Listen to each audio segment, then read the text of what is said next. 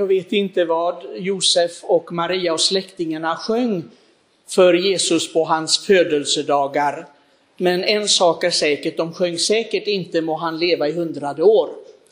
Eh, jag har alltid tyckt att det är en galen sång och jag brukar inte sjunga med i den utan jag säger till när vi sjunger den hemma, låt oss sjunga många lyckliga år istället. Därför att jag har en del släktingar som blev nästan hundra år och eh, jag skulle inte önska mig samma öde. Min farmor till exempel, hon blev nästan hundra år men hon bodde i Falkenberg och trodde hon var i Spanien och jag var plötsligt hennes pappa. Så ni förstår att det, jag tycker inte det är någonting att önska sig. Och även om man hade sjungit det för Jesus Kristus, vår frälsare, så blev han inte det. Det är någonting mycket särskilt med det valet som gjordes för hans liv. Det var inte ett sådant liv som man skulle kunna tänka sig. Om man har fritt spelrum och få önska sig och göra precis som man vill. Jag tror inte man väljer att dö mitt i liksom höjdpunkten på ens liv. För man brukar säga att vid 30 års ålder så är det höjdpunkten på ens liv och sen går det neråt och det, det kan jag intyga att det gör. Men i alla fall, han får avsluta sitt liv just på höjdpunkten vid 33 års ålder. Och det är ett val, det är Faderns vilja. Och Jesus säger hela tiden att det handlar om att leva enligt Faderns vilja. Utan att så att säga verka besviken över det. Naturligtvis bävar Jesus över sitt livsöde för han vet precis vad det går ut på. Det går ut på att offra sig för människans frälsning. Han ska vara ett välbehagligt offer inför Fadern för att betala hela mänsklighetens skuld bakåt och framåt. Och detta liv präglar honom naturligtvis. Men inte bara det, det som står framför korsets skugga i hans liv. Att acceptera det lidandet som ska komma, utan också leva i skymundan. Från första början så är det ett annorlunda liv, ett annorlunda val än vad vi skulle vilja. Vi vill ha det bekvämt, vi vill ha ett liv som ger någonting, som betyder någonting. Och Guds egen son, för honom är det valt att inte ens ha husrum när han föds. Jag undrar just vad Josef och Maria tänkte. För Maria var väl medveten om att hon skulle bli Messias moder. Och när hon kommer då till Betlehem för skattskrivningen, och de skulle ju mycket väl kunna tänka, men varför hade inte Herren så att säga hjälpt oss inte behöva vara med om det här, beskyddat oss från det här? Nej, skattskrivningen skulle äga rum just då när Maria ska födas. Och när de kommer dit så finns det inte ens rum. Jag skulle inte Gud fader kunna boka ett rum åt dem. Man skulle kunna tänka det, att fixa det. Ingenting fixas. Och vi ofta när vi ber, liksom, och så då ber vi, åh gode Gud, låt det gå väl nu med den här resan, låt det gå väl med det här. Och vi vill att allting ska fixas, för Gud är ju nästan som en Coca-Cola-maskin för de flesta, eller hur? Vi lägger i den här getongen, alltså den här bönen, vi ber en bön och så ska Gud fixa det. Men varför fixar han ingenting för sin egen mor? Och, ha, varför gör han inte det? Det är undervisning det här.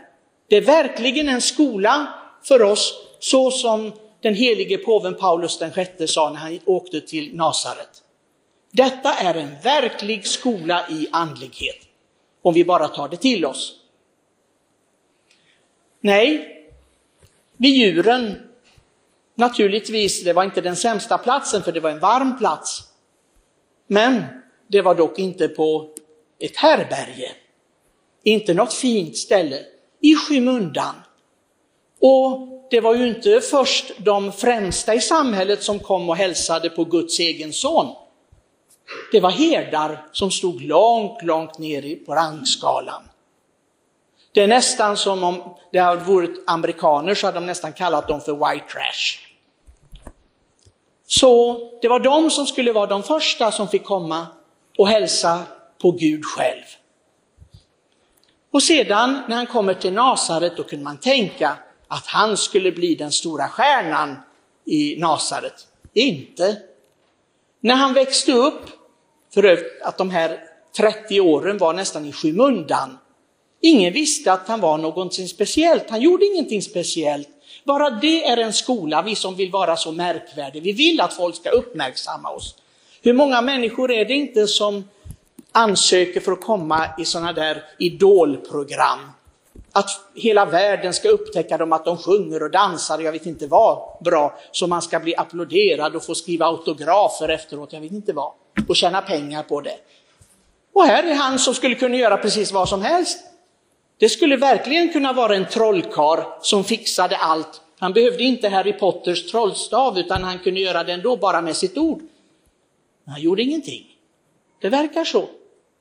Han valde att leva ett liv i skymundan, det som folk tycker oftast, vilket tråkigt liv.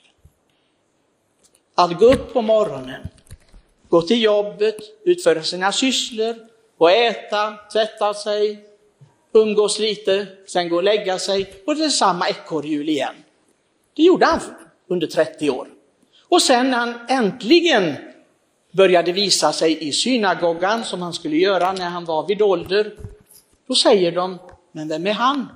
Varför tar han sig ton här? Vi känner ju familjen, de är ingenting märkvärdigt. Och tänka sig vad Guds moder Maria den helige Josef, den enda, enda personen i hela historien som har fått representera Gud fader själv. Sådana märkvärdiga personer, men som inte gjorde sig märkvärdiga.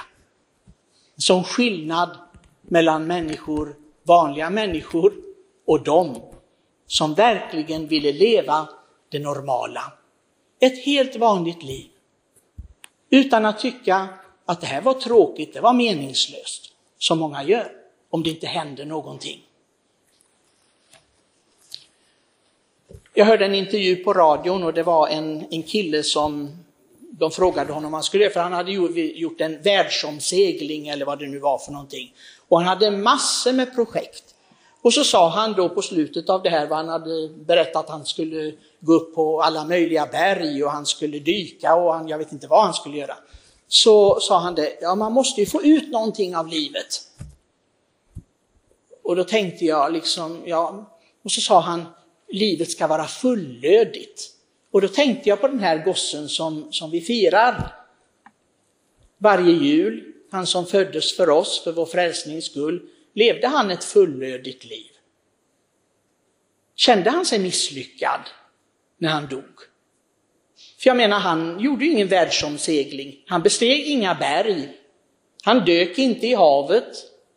Han gjorde inga, ingen, inga sådana här roliga grejer. Han åkte inte med kompisarna på en, på en roadtrip. Han gjorde ingenting som var roligt egentligen. Och ändå säger Jesus att han levde verkligen livet, för han levde i gemenskapen med Faderns vilja.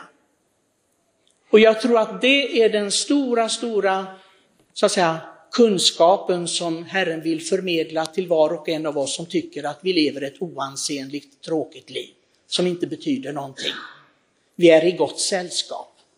Mycket gott sällskap. Guds egen son som hade kapacitet och möjlighet att leva vilket liv han ville, men valde någonting helt annat. Jag skulle nästan vilja säga att han valde medelsvenssons liv. Det här finns väl inte så många Svensson kan jag tänka mig i den här församlingen. Men jag är i alla fall en Nilsson, det är alltid något.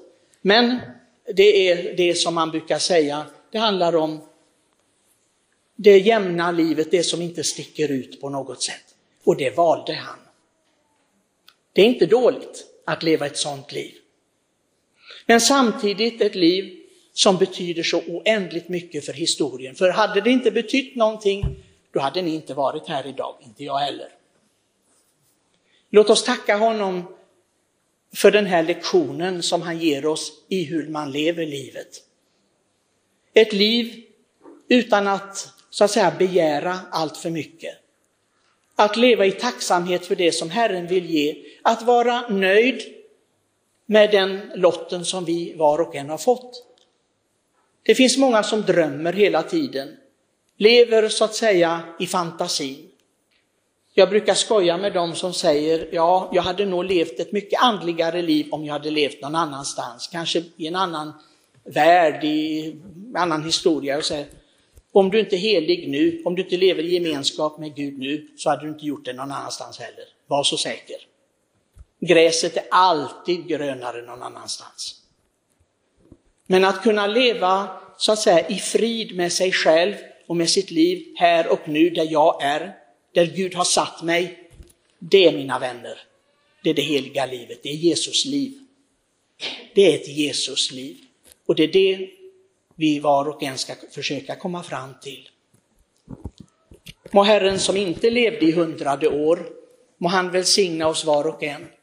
Må han ge oss den friden som bara han kan ge, som övergår allt förstånd, som skriften säger.